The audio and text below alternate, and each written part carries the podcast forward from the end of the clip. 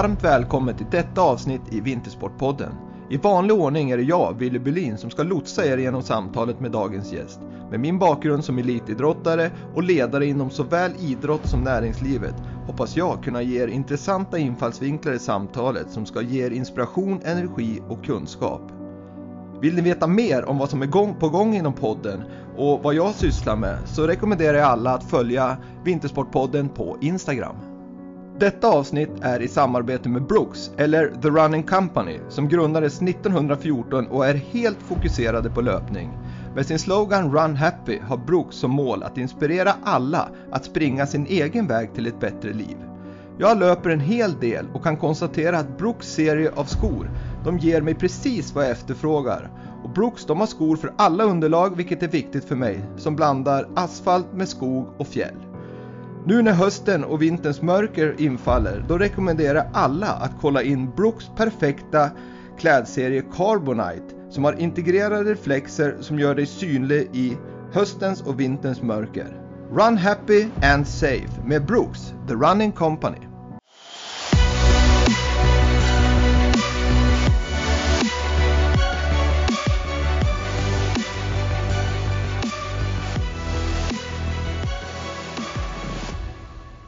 Dagens gäst i Vintersportpodden, den rutinerade sportjournalisten på SVT, Johan Ejeborg. Varmt välkommen till Vintersportpodden Johan. Ja, men tack så mycket Wille, kul att få vara med. Ja, det är kul att, att ha dig med i Vintersportpodden som man har levt med tänkte jag säga i många år genom, genom TVn framförallt men även fått förmånen att träffa dig vid ett antal tävlingar när man jobbade inom den alpina sporten.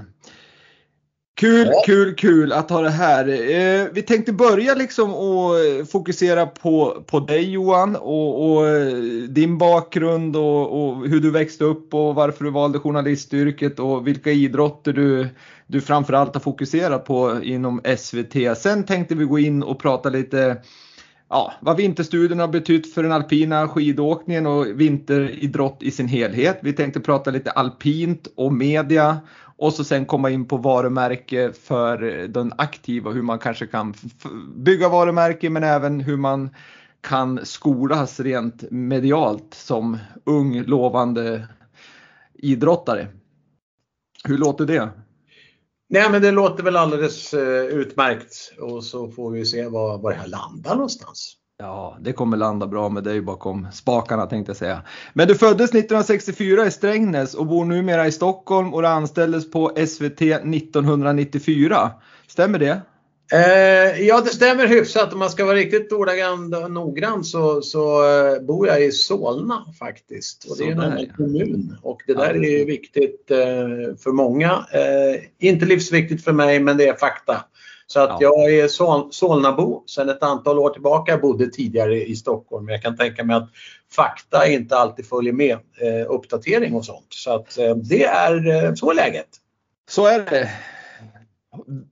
Om vi börjar med din bakgrund, för jag menar du har ju alltid figurerat i, i olika sporter på SVT som, som kommentator. Men, men hur var det att växa upp i Strängnäs och höll du på med idrott och varför hamnade du liksom och just fick ett idrottsligt intresse? Ja, men säg så här då, jag kommer ju då, då från vackra Strängnäs i Sörmland och, och jag är faktiskt den enda i familjen som som är äkta Strängnäsbror. Mamma kommer från Varberg på västkusten och pappa han är från Avesta i Dalarna.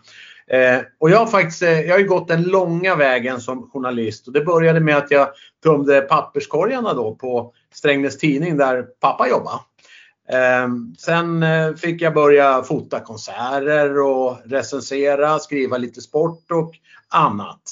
Eh, och det är klart att pappa som då var sportjournalist, han eh, drog ju mig in i det här och jag tyckte att det var jättespännande. Eh, han drog, var ingen sån här manande pappa utan han, han tyckte det bara var kul att se eh, att jag gillade det pappa höll på med och hängde på lite grann i hans jobb. Mamma jobbade på mentalsjukhus så jag kanske inte var riktigt lika intresserad av det hon gjorde. Eh, hon var också politiker och kämpade på med det i många år.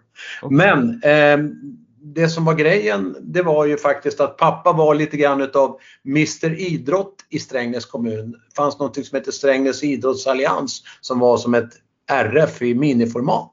Och där så eh, var det farsan som var en utav de drivande och det skapades mycket olika tävlingar. Jag tyckte det var jättekul att prova på allt när jag var liten och det gick ganska bra faktiskt måste jag säga i de flesta grejer jag företog mig. Men det var framförallt orientering, tennis och sen alpin skidåkning på vintern som det var det som jag tyckte var roligast att hålla på med. Och ehm, det gick väl faktiskt eh, skapligt bra mellanåt.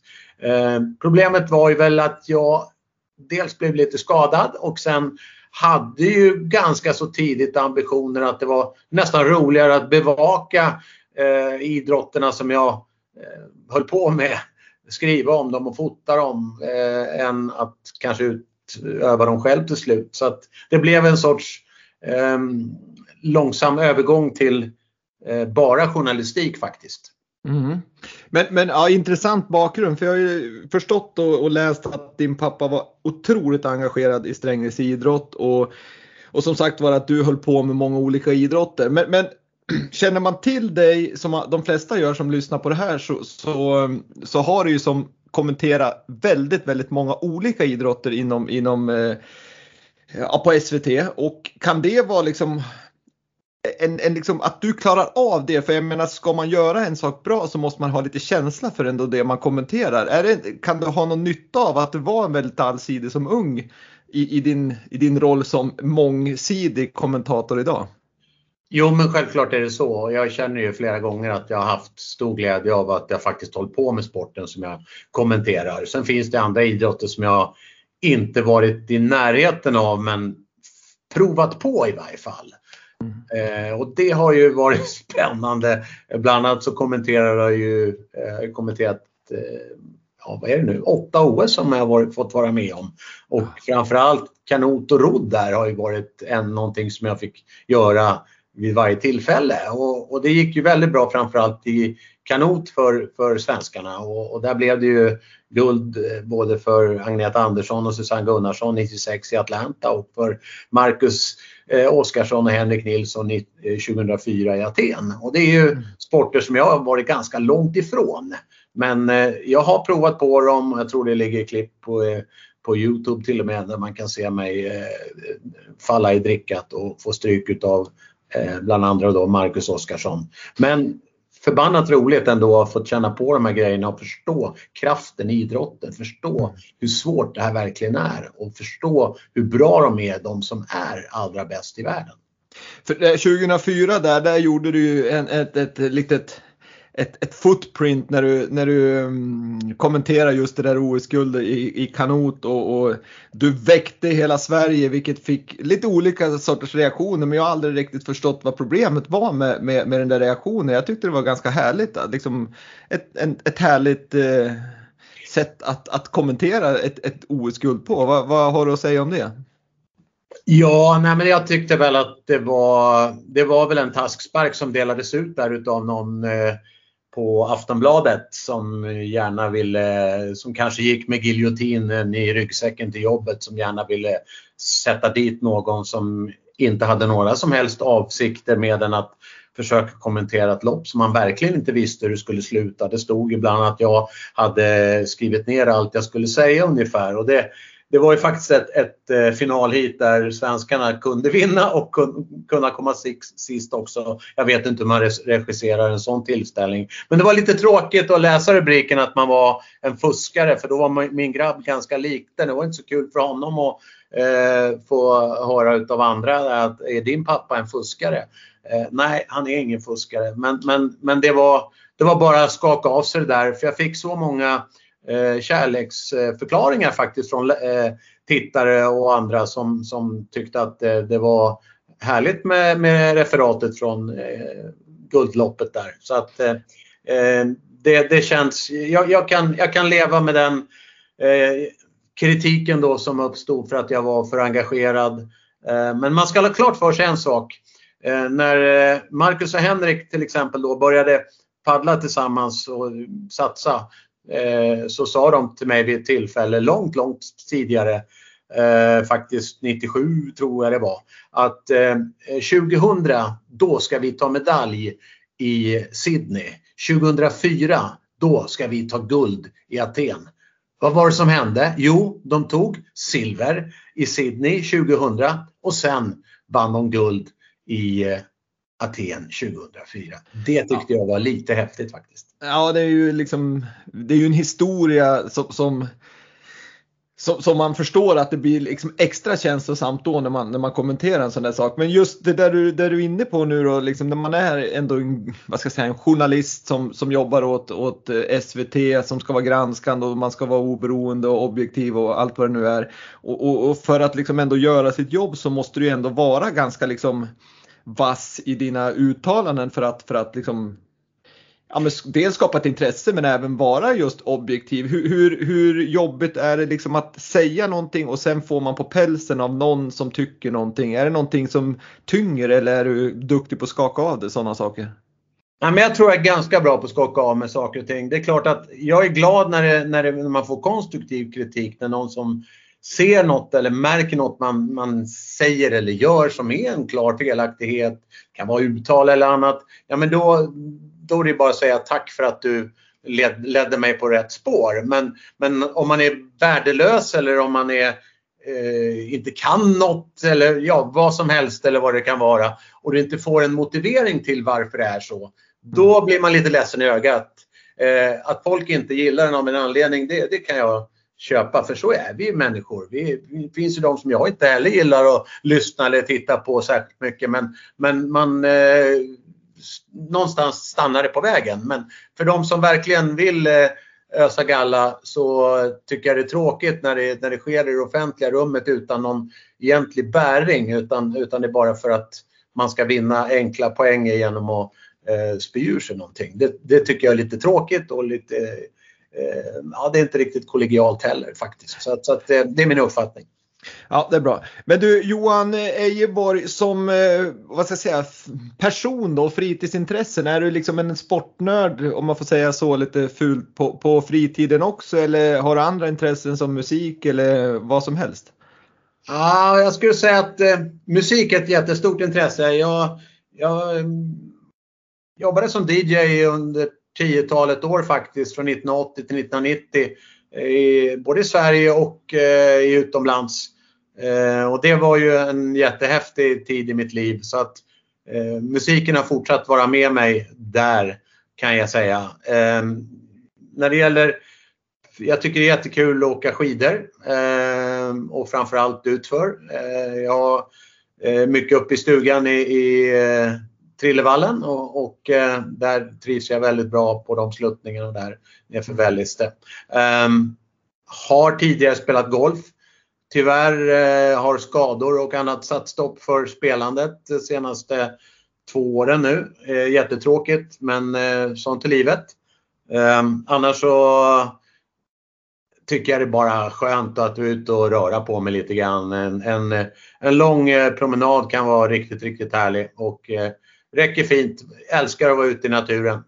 Härligt att höra. Det är nog många som jobbar på det här, eller som lyssnar på det här äh, avsnittet som, som delar din, dina intressen där. Men, men du, 89 då, då, då bestämde du, eller bestämde du kanske tidigare än så, men 89 började du i alla fall på Journalisthögskolan om jag inte har läst alldeles fel. ja, det var faktiskt 88 som jag gick var det, på. Var det 88 eh, till och med? Ja, det var det till och med. Och det var ett år, då hade man en, en, en utbildning för redan utbildade journalister egentligen. Så att det var ett gäng som kunde ganska mycket utav journalistiken, så inga noviser. Det var inte den här treåriga eh, riktiga då inom citationstecken eh, Journalisthögskolan utan det här var något som var en gång, ett år och där fick jag vara med. Och det, vi hade bland andra Steffo Törnqvist som, som eh, lärare och föreläsare så att det var eh, det var ett väldigt eh, givande år tycker jag. För det var, man kom nära eh, mycket bra journalistik för att de som gick där var riktigt duktiga också. Så man, man liksom hängde på det de gjorde och eh, eh, det, var, det var intressant.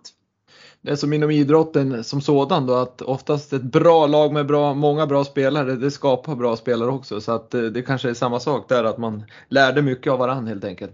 Ja, det var ett, jätte, väldigt, det var ett väldigt bra gäng och, och ett flertal av dem där är idag eh, stora profiler. Så att, så att eh, eh, det var riktigt kul att få vara en del utav det. Härligt och inklusive du själv som också är en stor profil naturligtvis. Men eh, du, du liksom du, du, blev journalist och du är journalist. Var det, liksom, var det självklart med, med tanke på din pappas bakgrund och du sa själv att du var roligt att vara med på hans, när han var sportjournalist. Men var det liksom, du kände ganska tidigt att det är det här som jag ska liksom hålla på med när jag blir stor? Ja men det var ju på något sätt det. Jag tyckte det var kul att skapa saker och ting och fotografera mycket. Eh, man fick skriva eh, till en början då, då var det ju eh, recensera konserter som jag nämnde tidigare där och, och även sport som jag då tyckte var väldigt, väldigt kul att konsumera och hålla på med också. Så det är klart att, det, att, att få vara nära det var ju jättekul och eh, något som då har varit en av mina, ett av mina stora intressen och det jag eh, verkligen brinner för eh, förutom eh, alpint då på vintern till exempel så är det ju motorsporten. Mm. Och när det gäller motorsporten då så min pappa var ju tävlingssekreterare i Strängnäs Automobil och Motorsällskap, SAMS, motorklubben i Strängnäs. Och jag var ju med där ute på alla tävlingar och jag var, när jag var riktigt liten eller när jag var så pass stor och så att jag kunde vara det var att vara flaggvakt när det var motocross-tävlingar. Och eh, sen började man köra lite grann själv, gick inte särskilt bra utan man vurpade mest och hade massa skador på kroppen och mina föräldrar tyckte väl inte att det var särskilt lyckat att jag höll på med det där överhuvudtaget. Så att jag blev snabbt lagledare så småningom även speaker när det behövdes en eh, speaker på en tävling hemma en gång och, och, efter det så fick jag jättemycket jobb så att det var en jättefin resa in också som jag hade nytta sen utav eh, i journalistiken och på mm. TV-sporten inte minst. Ja, men vad härlig resa för du har ju verkligen jobbat dig in och gått den här som du sa tidigare långa vägen. Men, men var det självklart redan när du började på Journalisthögskolan där 88 att, ja. att, det, att det är rörligt som du ska ja, hålla på med? Eller? Ja, rörligt, jo då, det, det, det, var väl en, en dröm som jag hade att, att eh, någon gång jobba med TV såklart. Eh, mm. Radio var ju någonting jag jobbade med under flera år där på eh, mitten av 80-talet eh, som var jättespännande också och sen blev det ju tidning igen. Men sen var det ju så att eh, en, en eh, medarbetare på vår annonsavdelning i Strängnäs eh, la en lapp på mitt bord att är det inte här någonting för dig? Du har ju alltid velat jobba med TV. Och så var det att TV-sporten sökte en programledare. Eh, helst av allt så skulle det vara en kvinnlig då. Eh, de så uppmuntrade kvinnor till att söka jobb på den tiden och jag sökte det där jobbet och det var ju väldigt, väldigt många sökande eftersom SVT Sport var inte någon arbetsplats som direkt eh, öppnade dörren för särskilt många. Så det var ju jättesvårt att komma in där men jag fick chansen i varje fall att göra det och, och det var och där har jag varit nu 28 år. Hur går en intervju till på SVT då? Får man göra som en provinspelning då liksom? Det blir inte som en vanlig hederlig intervju? Det här var ju ett tag sedan då. Ja. Eh, så att eh, jag, var, jag skickade faktiskt in en, en VOS var det på den tiden. Oj. En VOS där jag eh, satt vid min dåvarande flickväns föräldrars hus vid, vid Mälarens strand och jättefint skulle det vara med lite bakgrund och grejer. Jag berättade då för SVT-ledningen hur duktig jag var och varför de absolut inte skulle eh, missa mig ungefär så på en minut. Och jag skickade iväg den där VHSen och sen så fick jag komma på anställningsintervju och ehm, ja, eh, på den vägen är det. Tänk vilken, vilken, vilken rekrytering. Det sitter, så många, sitter många och slår sig för bröstet för idag kan jag tänka mig. Ja, och då ska du veta att jag var faktiskt den enda av alla som sökte. Det var tresiffrigt vill jag minnas eh, sökande. Eh, och då var det en jättehög med ansökningar och så var det en liten, liten hög bredvid och längst upp på den lilla högen låg min VS-kassett. Och då sa min dåvarande chef Bosse Gensel, eh, salig åminnelse, att den här Johan, hade du inte haft den här, eller skickat in den här hade vi aldrig hittat dig. Så det var lite kul. Ja, det var ju riktigt, det var ju nästan så att du levde före, liksom, det var lite social media redan då nästan. Ja, eller jag, jag tyckte mest det var konstigt att ingen annan hade gjort som jag hade gjort. Men, men, men, men så var det på den tiden. Det har hänt lite grann sedan dess kan man ju säga. Mm. Ja, men det var bra. Bra gjort. Ehm, men, men jag tänker här då när man kommer in så förstår ju jag från början när man börjar på SVT eller liksom ja, nästan vilket jobb som helst så, så får man ju som ta det man får så att säga. Med tiden och när, mer, när man blir mer rutinerad så får man kanske välja mer vad man ska göra och så vidare. Men hur ser du liksom du har ju gjort väldigt mycket men det är motor, alpint för mig i alla fall det du är mest känd för. Men sen har du ju kört tennis, US Masters i golf, skidskytte och så vidare. Men, men tar du vad du får, får du välja och liksom hur känner du för olika sporter? Jag menar, har man hört Göran Zachrisson i golf till exempel så passar ju hans röst väldigt bra för det och kanske mindre bra att, referera en, en motocross-tävling i, i... Jag, jag förstår vad du menar. Är du med? Eh, ja, nej, men det, det är väl klart att, att som till exempel kanoten och rodden, den blev jag tilldelad. Och det var ju för att eh, Anders Rosén gick till packat och klart eh, för, för länge, länge sedan efter OS 92 i Barcelona. Och det innebar att jag fick förfrågan om att göra det här. Och eh, det är klart att eh, det är en jätteutmaning att ge sig på någonting som du inte har varit i närheten av tidigare. Men det tyckte jag var jag gillar utmaningar och det var en sån som jag tog mig an. Och det är ju ofta man ställs inför utmaningar när du inte är i precis din komfortzon där du inte vet exakt vad du ska, eh, hur du ska gå tillväga för att vara rätt så att säga. Utan då får du lita på din intuition och gå på inspiration och, och lyssna in med lite, mm, väldigt få men några viktiga känselspröt som man har runt omkring sig som, som Eh, kan ge en lite goda råd på vägen. Mm. Och ödmjuk såklart inför uppgiften, det, det är väl det allra viktigaste. Men jag, jag, ser, det har ju ofta ska jag säga, har ni ju experter med er vid er sida som, som ska liksom kommentera lite teknik och så vidare. Men, men hur viktig är expertens roll egentligen? Alltså just i i hur ni förbereder, vem säger vad, vem hälsar välkommen, vem säger hej då och, och liksom, så att man får en skön känsla. Man måste ju nästan lära känna varandra för att få den här riktigt bra sändningen. Jo men det är väl klart och det, man, man bygger ju upp eh, en, en eh, relation med den man jobbar med och eh, varje år till, eller nu har det varit pandemi tråkigt nog, men, men de åren vi kör SM-veckan till exempel då blir det ofta att man får jobba med någon helt ny sport. Och då är det oftast en, en expertkommentator som tas in för uppgiften som jag inte kanske ens vet vem den är eh, och än mindre då har jobbat med.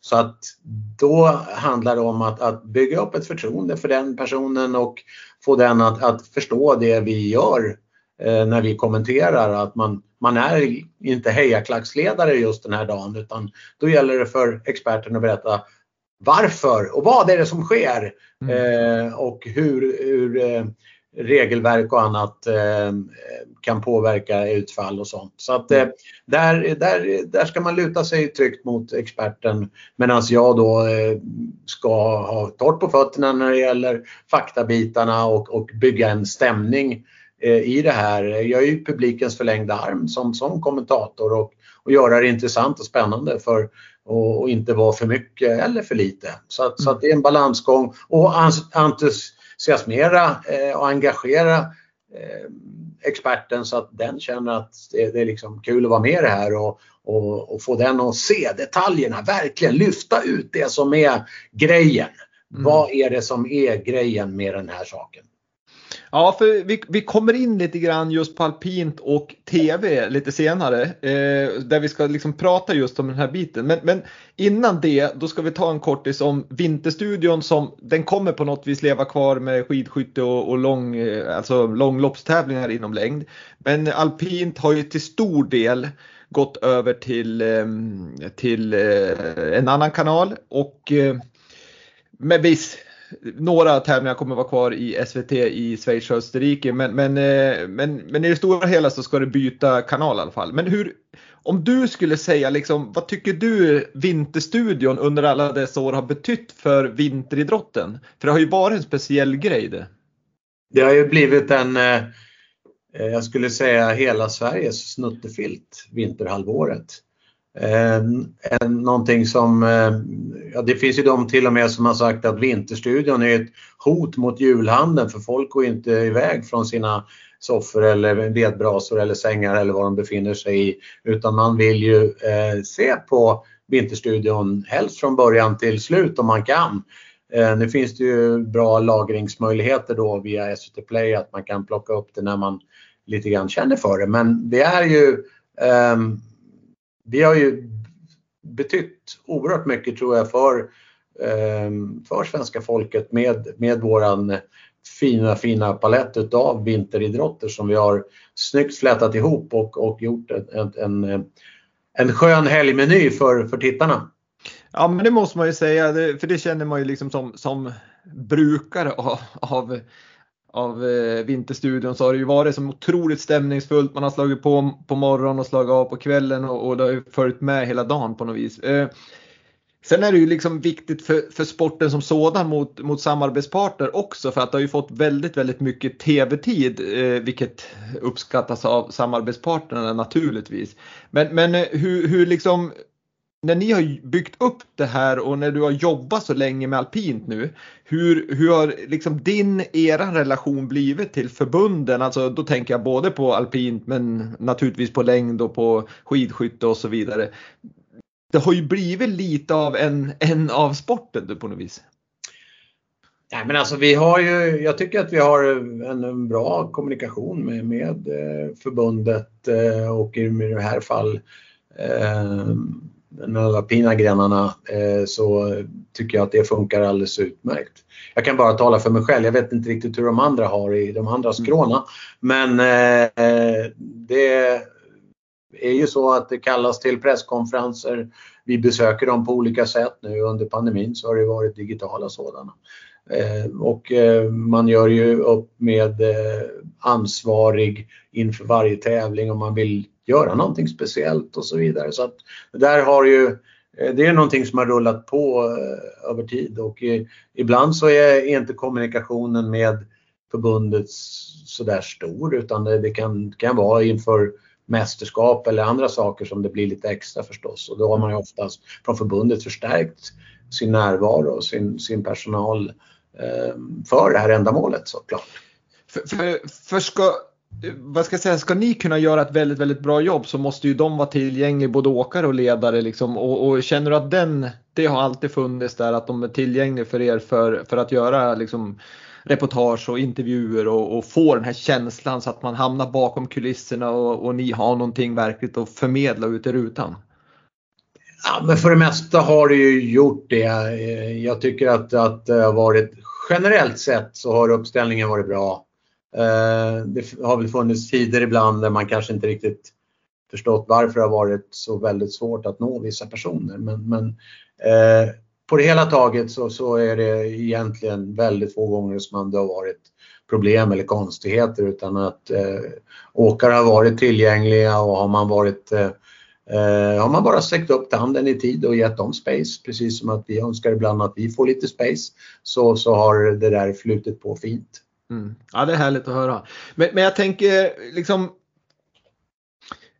som, som rutinerad sportjournalist och, och jobbar inom media länge, liksom, hur, hur känner du att sporten, alltså den alpin, om vi håller oss till alpint nu då eftersom du är eh, vad ska jag säga, specialist på det. Men, men mot media och tittare eh, så sa du att det har varit bra. Men, men hur känner du liksom, har ni lyckats knyta ihop relationen tänkte jag säga mellan sporten via er och ut mot tittarna? Känner ni att ni har fångat dem på, på ett bra sätt? Ja men det, det måste jag ju säga att det, vi, det har vi gjort. Eh, nu kan man väl lätt, eh, jag kan lätt säga så här att jag är lite avundsjuk på mina kollegor som, som jobbar med andra vinteridrotter för att eh, det är ju inte så enkelt alltid att, att göra de svenska alpina stjärnorna eh, Eh, till stora stjärnor. Eh, vissa eh, går igenom alla murar och blir superstjärnor för att de är bäst i världen. Typ så. Men, men det finns ju andra då som är nästan där som kanske inte får riktigt den kärlek och utrymme som de förtjänar för att de syns ju väldigt lite i bild. Deras insatser kanske över på en och en halv, två minuter låt säga om man håller på med slalom eller så. Mm. Så att det blir väldigt lite tid och, och fokusering på de här medan det finns eh, andra idrotter där de figurerar mycket längre bild och de figurerar också även efter tävlingar på ett annat sätt än vad de alpina stjärnorna gör. Vilket gör att det blir lite svårare tror jag för, för alpina stjärnor generellt sett att, att gå igenom bruset. Sen har de ju hjälm på sig också och glasögon vilket gör att man inte alltid får se dem i ansiktet. Eh, vad är det för människor under skalet egentligen? Så att, att det, där, har man, där är man faktiskt, tycker jag, som när man tänker då på de alpina åkarna så är de lite handikappade där i, i förhållande till vad andra är. Mm, nej, jag förstår exakt vad du menar. För, och ibland så tycker man ju kanske att de är lite klantiga också att stå där med brillorna nere då, när, man, när man får tider utan. Det, det är ju liksom en, en, grej som de får bestämma själv. Men jag tänker just, vi ska komma in på varumärke senare. Men, men hur mycket tycker du liksom, tittar du på svensk herrskidåkning nu på slutet så har ju inte den, det har ju liksom varit väldigt, väldigt tungt för dem under ett tag här med, det var ett generationsskifte när väldigt många duktiga slalomåkare slutade. Det var ju en stöt som, som kom. En annan sak som kanske har varit problem under längre tid, även när vi hade de här duktiga slalomåkarna, var väl att vi hade nästan bara slalom förutom Mats Olsson i storslalom. Då. Hur, hur mycket påverkar det liksom, eh, intresset tror du? Ja men det är väl klart att, att hade vi haft några fler Patrik Järbins som eh, var med och, och, frekvent placerade sig i, i eh, ja, tog poäng hela tiden och ganska många poäng om man säger så. Då. Så, mm. så eh, med all respekt för eh, Monzeno-gänget så men, men om vi nu tänker eh, pallplatser och, och vara nära de riktigt stora kanonerna så eh, kan jag väl säga att det hade ju, hade vi haft en stjärna i eh, fart som, som eh, var med och slogs om segern i Kitzbühel till exempel så hade det ju varit, tror jag, ett helt annat drag kring den alpina skidåkningen. Det måste jag säga. För att det, det är ändå på något sätt eh, juvelen i kronan och eh, är man med och kan hugga på en seger där så, så ger det rubriker. Ja men så är det ju och det är lite grann även liksom på, tittar man på slalomsidan så det, det blir ju ändå den här spänningen även om Vinterstudion är jättemysig och jättehärlig så jag tror att det är lättare att man skyndar sig till andra åker klockan ett om man vet att det är någon svensk som ligger topp fem eller någonting och har chans på segern kontra att se kvalar de överhuvudtaget. Det måste ju också vara sådär jättejobbigt att sitta och kommentera andra åker och så har det ingen som har kvalat till andra åker. Det, det kan inte vara superinspirerande, eller hur, hur känner du? Ja, men det har ju hänt att det har varit tunt eh, i andra åken och, och eh, nej, men då, då måste du ju ändå, du måste också, jag tycker jag har alltid sagt så här, eh, det får inte falla med den svenska, alltså det får inte falla med en svensk insats den här tävlingen. För det är ju på något sätt att, att nedgradera sporten som sådan. Det här är ju världsidrott. Det är mm. världens bästa åkare som ska göra upp om segern i en världscuptävling, stor tävling. Och då tycker jag det är viktigt att man på något sätt fortsätter att följa dem som är, har tagit sig in till det här andra åket med största respekt och göra det till en happening snarare än att man sörjer en svensk insats. Mm. Eh, för det, det, då kan det bli jättetråkigt. Mm, ja, verkligen. Men, men ja, det är ju liksom respektfullt att tänka så och det måste man göra som, som professionell naturligtvis. Men, men tittar man på sporten då, vi som, vi som är inne i det och har varit ute på tävlingar, varit i Kitzbühel och sett de här branterna och isen som är där. Vi får ju en känsla även när vi sitter hemma för vi vet hur det är. Men ser du att man hade kunnat gjort sändningarna i tv annorlunda för att få gemene man att förstå den här liksom ja, men att det är så här isigt, det är så sjukt brant, det är små marginaler och, och liksom man, man åker 140 km i timmen på en liten stålkant och, och, och egentligen inget mer än en hjälm som skydd. Har du någon liksom, idé där eller tankar kring, kring just sändningarna? Eh, man ska väl ha klart för sig också att det, vi är ju lite styrda i vad vi kan göra, vad vi får förmedla och hur vi får förmedla. Framförallt i backarna. Ibland så kommer vi inte ens in i, i hangen på, på grund av att det kan vara svåra förhållanden eller varit speciellt eh, känsligt inför en tävling. Eh, vi vill ju gärna och gör ju det när vi fort vi får tillfälle och framförallt när vi satsar och är ute eh, så försöker vi ju visa att det är brant, att det är isigt, att det är svårt och, eh, och förmedla det på bästa möjliga sätt. Sen kan man ju naturligtvis, och jag tror också att hade det varit större framgångar om Sverige hade varit en verklig maktfaktor, vilket vi var för inte så jättemånga år sedan, så hade naturligtvis större resurser lagts på det alpina, även om det har lagts bra med resurser genom åren, tycker jag, på, på, all, på det alpina i jämförelse. Så kan man väl säga att det hade väl varit önskvärt att man hade kunnat känna, klämma, sniffa på det här eh, lite mer och lite tyngre. Men, mm. men det finns begränsningar i form av vad du faktiskt kan och får göra. Ja, jag förstår det. Och, men jag tycker ändå att ni har gjort så gott ni kan och ni har verkligen försökt med att vara med på besiktningar. Ni har visat eh, i, i olika former att det är väldigt isigt och, och sådär. Och, och, det är inte helt, helt enkelt. Men, men det jag tänker lite grann på, jag förstår att inte ni kan styra så mycket, men FIST och internationella skidförbundet därifrån kanske man skulle vara lite mer flexibel på att, att bemöta media snarare än att säga att här är det stängt och här får ni inte komma in. Jag förstår att det ska vara säkerhet men man borde ju kunna vara mer flexibel från FIS sida för att få sporten mer liksom att man fångar upp den här härliga atmosfären och, och den här action som verkligen är. Upplever att FIS kan vara lite för stiff ibland? Eh, ja, jag skulle säga så här att det är en, det är en organisation som har funnits hur länge som helst och eh, det är en organisation som, som i, i vissa avseenden eh, är lite stelbent.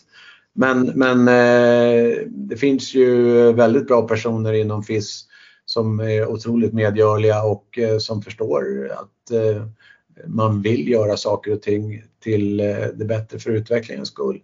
Eh, men, men som sagt, det gäller också att de som är drivande och har tankar och idéer om att göra det fräschare. Nu har ju FIS fått en ny president då, som är svensk, eh, till stor del i varje fall. Så känner väl jag att, att, att det är ju, förändringens tid är ju där. Eh, och jag tycker att inte man, eh, vissa grejer ska man inte ändra på för mycket för att förändrandets skull. För det har vi sett i andra sporter att det inte nödvändigtvis har blivit till det bättre.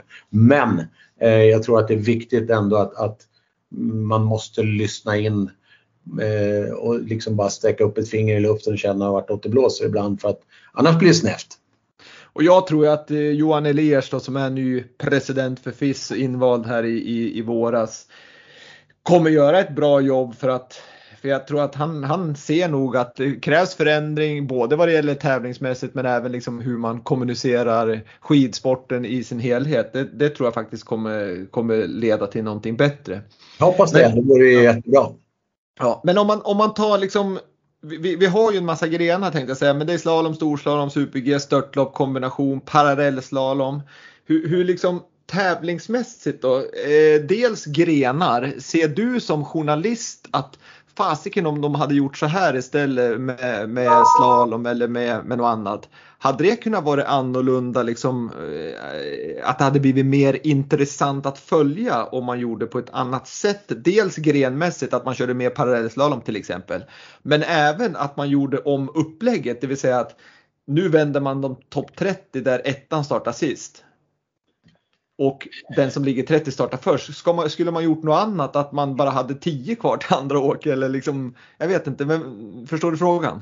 Ja, jag förstår frågan. Det finns många saker. Jag vet ju genom åren, vi har, vi har väl alla då som jobbar med alpint hos oss eh, pratat eh, rent generellt sett om vad man skulle kunna göra för att förbättra det hela. Och det finns jättemånga som har eh, många sunda tankar och idéer kring, kring det. Eh, men jag skulle väl ändå säga så här att, att, att det, det, som finns i stora drag tycker jag är jättebra.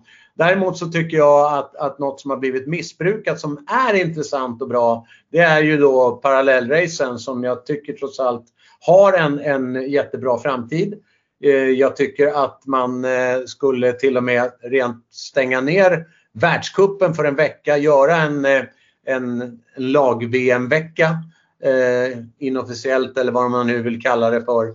Istället för att det blir en pajastävling, en Nations Cup som ingen vill åka i, så ska det vara, tycker jag, rejält med prispengar och eh, det ska vara både individuellt och lag eh, i, en, i, en sån, i en sån vecka. Och då kan det vara kryddat då med eh, individuella race också. Men, men att man på något sätt bryter ut det och gör någonting speciellt utav det där så att det blir en happening i världscupen. Det, det smäller till och det gör inte bara när det är Wengen Kitzbühel typ utan det ska på något sätt ge det hela lite nationell status också. Att man, man känner att man, man är ett lag och det bränner till. Det skulle jag gärna se i en framtid. Och eh, likaså att man eh, kör eh, lite double headers. Är det en slalomtävling en lördag, ja, men varför kan man inte köra fredag kväll då? Ett kvällsrace likaså först. Eh, så man har dubbla tävlingar när man ändå är på plats. Mm. Eh, som nu är det då en, en, en sån här uh, bib draw som inte alltid är jättebriljant. Eh, som ibland kan ta tid och är ganska saggig. Men, men har man istället eh, ett race där, eh, man kör om världscuppoäng, eh, full knuff och sen upp och gasa igen dagen därefter. Det hade jag tyckt var lite spännande. Till exempel. Ja, jag, jag håller med dig och, och, det är väl här som är liksom förändring, att man är ganska traditionell i, i sitt sätt att, att göra sina tävlingar. Men det som oroar mig lite grann kanske nu, det är väl att man jag gillar ju verkligen de här eh, Hammarby världscupen i parallell var ju kanon, nära stan, eh, verkligen fart och fläkt, bra arrangemang och, och många städer därtill. Men nu så går man ju lite grann ifrån det där och, och gör parallell storslalom. Vilket jag tycker blir en helt annan grej. Det blir inte samma liksom, du kan inte ha det i en stad utan det måste det vara i en stor backe där det är svårare för publiken att, att, liksom, att se allting. Va? Så att äh, jag, jag, jag hoppas verkligen, precis som du säger Johan, att, att man går till och, och ser potentialen i parallell och göra någonting jättestort, jätteviktigt så att, så att verkligen även Henke Kristoffersson som är en, en av profilerna i världscupen liksom måste engageras och bli bra och inte säga att nej men det där skiter jag i. Mm. Är det till exempel också om det här med kombinationens vara eller icke vara. Det är många som tycker att kombinationen är, är hur bra som helst och så tyckte andra, finns det andra som tycker att det här eh, suger rejält. Och, mm. och jag, jag har liksom, jag står någonstans i det läget att ge, ge kombinationen eh, den status som den förtjänar då genom att de som är med där, de kör den verkligen från mm. start till mål. Och eh, istället för att som jag vet ett år vi var i Vängen där det var en massa fans som var, skulle upp och titta då på sina idoler där eh, och som kanske inte nödvändigtvis var så inbegripna med det hela men, men eh, där vi förklarade att ja, men flera av de här de kommer bara köra eh, det inledande störtloppet, sen kör inte de eh, slalomen sen. Och då kände de sig väldigt blåsta på konfekten och jag tror att publiken gör det för att de vill gärna se det här eh, när de klarar av bägge grenarna och gör det riktigt, riktigt bra som en, som en del har gjort och gör fortfarande. Ja, jag håller med dig, för jag, det blir ju som ett, att döda någonting att, att, att liksom komma upp då och så är det liksom, det blir som någon form av pajasgrej liksom och då det är ju klart att det förstör ju sporten. Det, ju det, det ska bara vara skada eller svår sjukdom ungefär som ska vara rimlig, rimligt eh, skäl att få slippa. Då, ja. Jag. Ja, men det, är, det är härligt att höra dina tankar för jag, jag, tror att många som lyssnar har ungefär samma tankar och jag, jag ställer mig bakom tankarna till 100% för jag tycker det är helt rätt väg att gå och du som har den erfarenheten från från att ha följt det här från, från ett medialt perspektiv som är så viktigt för sporten i sin, in, i sin helhet så är det ju väldigt, väldigt viktigt också att man har er med sig på tåget, ni som jobbar med, med media och, och TV för att det är ju trots allt ni som betalar kalaset till slut. Eh, mm. om vi då är inne på lite, vad ska jag säga, pengar kanske är fel att säga men, men vi ska prata lite om varumärke Johan och, och eh, jag tänker då liksom att, att jag vet att du var med i, någon, i något program för väldigt många år sedan, det var säkert tio år sedan, när man pratade om just varumärkesbyggande och att man att man tänker liksom, det är inte resultaten egentligen som sådan som, som bygger varumärket hos en individ utan det är ju snarare så vem är personen och hur agerar man och hur uppträder man och så vidare och så sen kommer resultaten därefter. Men, men jag tror att att man som person eh, ska agera på ett visst vis om man vill vara ett starkt varumärke inom, om vi pratar inom idrott då. Men hur är din syn på just en idrottare för, för att en ung idrottare idag som är på väg uppåt, vad, vad, skulle du säga är viktigt för en sån att, att få ett starkt varumärke? Ja, i grund och botten så handlar det om att skaffa sig ett bra varumärke i och med att vara väldigt, väldigt duktig. Eh, det är, finns ju eh, genvägar att, att ta sig till ett bra varumärke. Kanske att du har eh, en stark ekonomi i grunden som, som kan ge dig högre höjder än du kanske förtjänar. Men, men i grund och botten så, så handlar det om att, att vara bra. Riktigt, riktigt bra. Och med det så är det kanske inte alla som, som är lika framgångsrika när de öppnar munnen. Till exempel och då, då kan det bli tuffare att, att, att eh, man ibland får undra varför den, eh, det företaget eller de gynnarna valde att gå för den som bara då var nummer fyra istället för att den var så mycket trevligare och roligare. Så att jag tror att det är viktigt att, att, att förutom att man ska man, ska man ge sig in i den här sporten till att börja med så, så är ju det en, en, en tuff väg att vandra om man ska nå ända upp på toppen. Och då måste man ju ha alla de här bitarna eh, i sig för att, tror jag, bli, bli ett, en, en stark profil och ett starkt varumärke. Det går, det går inte bara vara bra utan det måste vara det 24-7. Men, men, vad är det liksom, för jag förstår ju att naturligtvis så, att prestera resultaten är ju liksom en jätteviktig faktor såklart. Men vad, är det, vad känner du, vad, vad, är det för egenskaper en person ska ha för att ändå dels slå hos media och slår man hos media, ja då kommer man ju naturligtvis ut till svenska folket och blir till syvende och sist förmodligen ganska populär då på något vis. Men, men vilka egenskaper känner du att, att en person ska ha för att du ska verkligen, den här personen vill jag intervjua och jag känner verkligen att den ger någonting? Jag gillar eh, generellt sett så tycker jag det är jättekul att prata med människor som, som vågar säga vad de tycker och tänker. Eh, utan att tänka på den senaste mediaträningen som de var med på. Att det här vill journalister höra, för det är inte alltid eh, det är på det viset. Utan jag gillar folk som är spontana, folk som eh, kan ha ett horn i sidan till någon och gärna gör klart för sin omgivning att jag tänker säga vad jag tycker och vad jag vill och vad jag känner i den här frågan.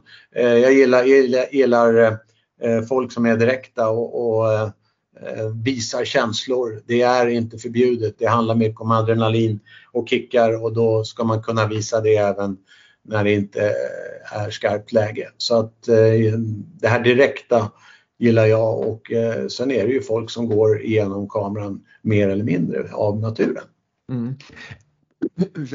Ursäkta, en annan, en annan sak som jag tänkte på vad det gäller det här liksom, tillgänglighet är ju också naturligtvis viktigt och, och, precis som du säger att man, man vågar vara den man är, man säger vad man tycker, man kan vara spontan och så vidare. Men, men Sen har vi ju, ibland går det bra och ibland går det mindre bra och jag tycker det finns ju de som alltid ställer upp när det har gått bra och sen när det går dåligt så vill de inte vara tillgängliga. De skiter och gå i, i, i mediazonen och de, de står alltid och skyller på någon annan och det var fel snö och det blåste si och det blåste så och hej och hå. Men, men eh, hur, hur ser du där? Är det likadant där att, att, att man, man man agerar om man säger på samma sätt oavsett om det gått bra eller dåligt eller liksom har du någon kommentar där?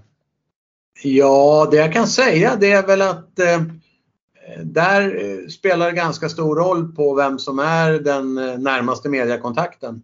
Eh, som, eh, det är viktigt att den personen har pondus och verkligen talar om för, för den aktiva att, att eh, det är inte bara glass och ballonger i den här sporten utan att Eh, Eh, det är viktigt också att, att eh, du är liksom på ditt jobb nu och du måste också förklara varför aktien rasade idag lite grann.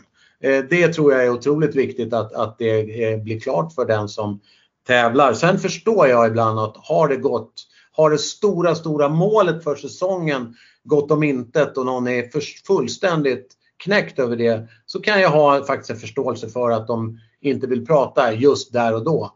Men, men eh, eh, det finns ju de som eh, avböjer för mindre och då tycker jag att då är det fel. I varje fall på den nivån lite grann som representanter för ett landslag.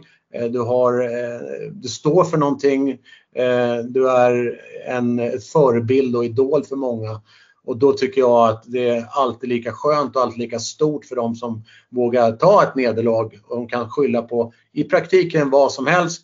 Men de som säger som det är att jag var inte tillräckligt bra idag. Mm. Nej, det, det, är ju, det går ju hand i hand med vad du beskrev innan, vad, vad som, som, som ni uppskattar. Liksom. Att jag menar, att det har gått åt pipan, det är väl lika bra att gå och säga att det har gått åt pipan, jag var helt värdelös idag men jag tar nya tag imorgon. Det är liksom... Ja, jag tror inte många, många, många säger att vad värdelös du är. Utan mer att nej, men det var synd att det gick sådär, kom igen imorgon 17. Det är så man, man, när man följer någon så ser man ju att den här människan eller den här åkaren hade ju inte sin dag idag men vi vet ju vad den kan göra. Hoppas mm. det går bra, bättre imorgon. Mm. Men, men jag tänker då, du var inne själv på lite grann här då. Då, då har vi en, en duktig åkare som slår igenom i världscupen eh, inom, i det här fallet alpin säger vi. Och direkt när den har gjort det, då åker den in på någon form av eh, mediaträning där man ska liksom lära sig att hantera media.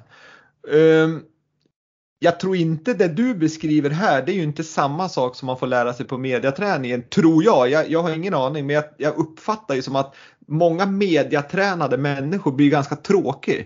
När man tittar på sådana här superstjärnor, då, då är de ju alltid roligare att lyssna på när de var otränade så att säga. Jo men så är det ju. Och jag, eh, jag har inte varit så mycket närvarande på några mediaträningar. Däremot så, så har jag ju förstått eh, att en del har eh, genomgått mediaträningar på gott och på ont ska jag säga. Eh, det finns inte alla varianter som är lyckade.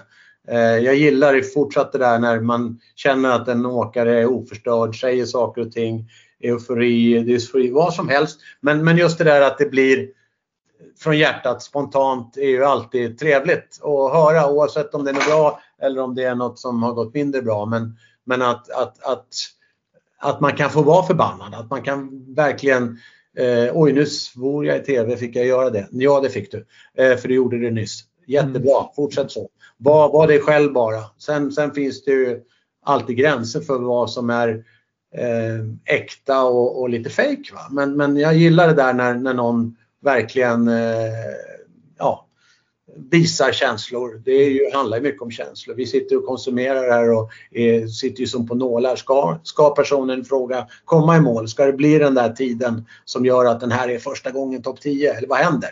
Lite så. Men, men, men, du är inte liksom, jag tänker 28 år på SVT och, och sådär, du, du, är inte involverad i, i några liksom elitaktiva och hjälpa dem med de här bitarna för, för jag tror att det här är superviktigt för en, en ung idrottare som ja, vill skapa nej. ett varumärke. Nej, jag, jag är absolut inte involverad i några, några elitidrottare och deras vägar. Eh, eh, det har, genom åren har jag fått frågor såklart men, men det är inte min uppgift att hjälpa dem. Nej. För jag jobbar på SVT och vi ska kritiskt granska det som sker snarare än att hjälpa andra. Utan mm. de får hjälpa sig själva på, på, på sina sätt. Vi ställer frågor om det de presterar och eh, vi vill gärna att de svarar då. då. Men, så, mm. att, så att jag, jag har aldrig varit involverad i det där eh, på det sättet. Eh, sen, sen är det klart att, att folk frågar eh, och eh, Eh, jag kan väl kanske ge ett svar utifrån eh, som jag ser på saker och ting rent generellt. Men, men eh, där stannar det.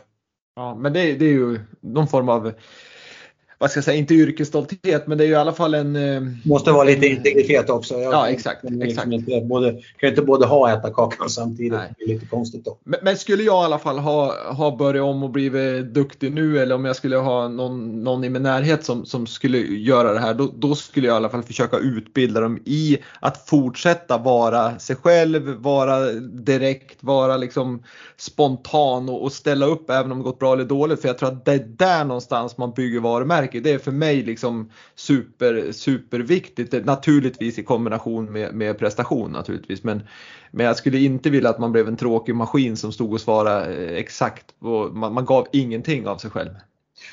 Utan att gå in på några namn så vet jag en eh, eh tidigare förbundskapten i eh, eh, simning som eh, hade med en väldigt bra eh, simmare att göra.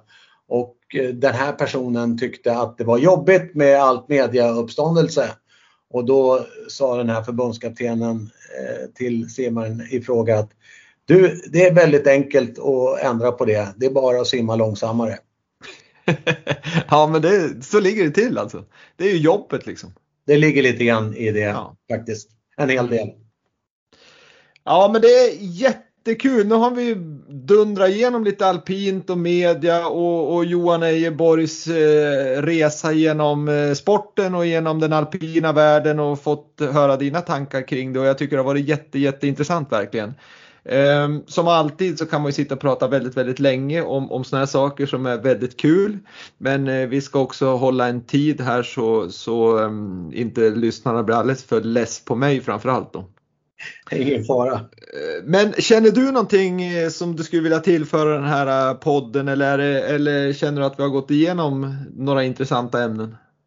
Jag tycker väl att det har varit mycket intressant vi har pratat om här och det är ju jag är ju bara en röst. Jag är ju någon som jobbar med det här och tycker, älskar det jag gör och eh, eh kan inte göra annat än att eh, ja, följa det som sker och eh, ha lite tankar kring det såklart. Eh, det är väl eh, viktigt tror jag att vara uppdaterad så att man känner lite grann åt vart vindarna blåser. Nu, nu hoppas jag ju verkligen att, att eh, det svenska alpina landslaget kan få uppleva lite framgång igen. Varit eh, rätt tung tid för eh, de allra flesta, med få, få undantag då. Så, mm. så har det varit jobbigt och framförallt eh, väldigt mycket skador som har varit eh, tråkiga att se och följa. Vi gjorde, jag och Tobias jobbade ju med en skadedokumentär förra säsongen i Vinterstudion om de svåra knäskadorna i alpint och det är ju en, en skrämmande utveckling såklart eh, och, och, just det där att det inte finns någon direkt ljusning i sikte är ju ytterst tråkigt att konstatera. Mm. Men, eh, men eh, man blir ju glad när det, när det är åkare som äntligen kan se ljuset i tunneln och kunna komma tillbaka och förhoppningsvis prestera. Ja men verkligen och, och, här jobbar man ju ganska mycket från internationella skidförbundets sida naturligtvis för att hitta vägar framåt så att man minskar skadorna. Men, men som sagt var, vi har varit inne på det förr, det går fort, det är brant, det är isigt, det är eh, egentligen bara en hjälm som skyddar den. Så att, så att eh, det är inte ja, så enkelt. dessutom Ville så är det ju en, en hel bransch som jobbar genom att eh, jobba för att optimera allting skidor, utrustning, vad du vill. Allting ska vara Formel 1. Ja, och ja. Eh, i, i, det då så jobbar ett, ett, internationellt förbund och nationella förbund också. Eh, tränar på alla nivåer för att försöka hålla nere skadorna så mycket som möjligt. Det, det, det rimmar inte liksom hand i handske hela tiden. Då. Nej men så är det. Så är det. Och, och, och, jag ska också säga det att du säger att du bara är en röst som granskar och kommenterar men för mig så är ni som sitter i TV otroligt viktiga för sporten för att ni, ni som förmedlar den här atmosfären, känslan och, och gör populär, eller idrotten så populär. För att jag lyssnar mycket på vad ni säger och, och det, hela den här vinterstudion har ju varit liksom dra på TVn. Man hör eh, Johan Ejeborg och Tobias Hellman och Pernilla Wiberg sitta och prata. Det liksom får den här härliga söndagsstämningen. Det är otroligt viktigt och det, det, det tackar jag absolut jättemycket för. Ja, roligt. Eh, och jag har ju själv eh, vuxit upp med eh, Flex Pettersson och eh, alla hans minnesvärda referat och sen har det varit eh, Björn och Stig under väldigt många år. Mm. Eh, och det är klart att man har ju inte missat ett race. någon gång har man missat då för man har varit på någon annanstans och det har inte alltid gått att banda eller sådär men sen kom ju Play in i bilden och Eh, Eh, det var ju en välsignelse för då, då kunde man verkligen backchecka om man missat någonting. Men, men eh, har man konsumerat eh, alpint i många, många år som jag gjort av, av stor kärlek så, så är jag glad för att ha varit en del utav det och den utvecklingen. Så att det, det, det är jag jätteglad och stolt för. Ja, det tackar vi för. Eh, vi ska avrunda det här med att ställa en fråga som vi ställer till alla gäster i podden oavsett eh, aktiv före detta, aktiv media eller doktor eller psykolog eller vad man än är. Så eh, den är ganska enkel att besvara Johan, men den lyder så här. Säg en framgångsfaktor för att lyckas med idrott. Då säger jag glädje. Utan glädje så blir det ingen motivation. Och eh, utan glädje så är det väldigt svårt att eh, leverera någonting stort på sikt. Utan eh, den måste finnas där. Och eh, har man svårt att, att hitta det naturligt, då får man ta lite hjälp från kanske andra som inspirerar. Men glädjen skulle jag säga, eh, någonstans som en grundbult finns ju alltid det där med talang och så vidare. Men jag, jag skulle säga glädje. Eh, glädje kan man komma väldigt långt med. Ja, och jag kan säga att du är inte först att säga det, du är inte sist heller för att det är precis, jag håller med dig i din analys där till 100%. Jag, Willy Berlin och Vintersportpodden tackar dig Johan så jättemycket för att du har varit med i, i podden och önskar dig all lycka med kommande kommentatorsuppdrag här för SVT.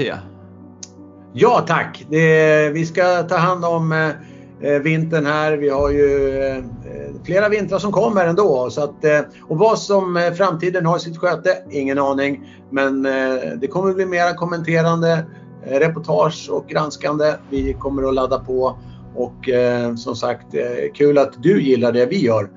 Vi kommer att ladda vidare för det. Det ser vi fram emot. Tack Johan! Tack så mycket! Hej! Hej!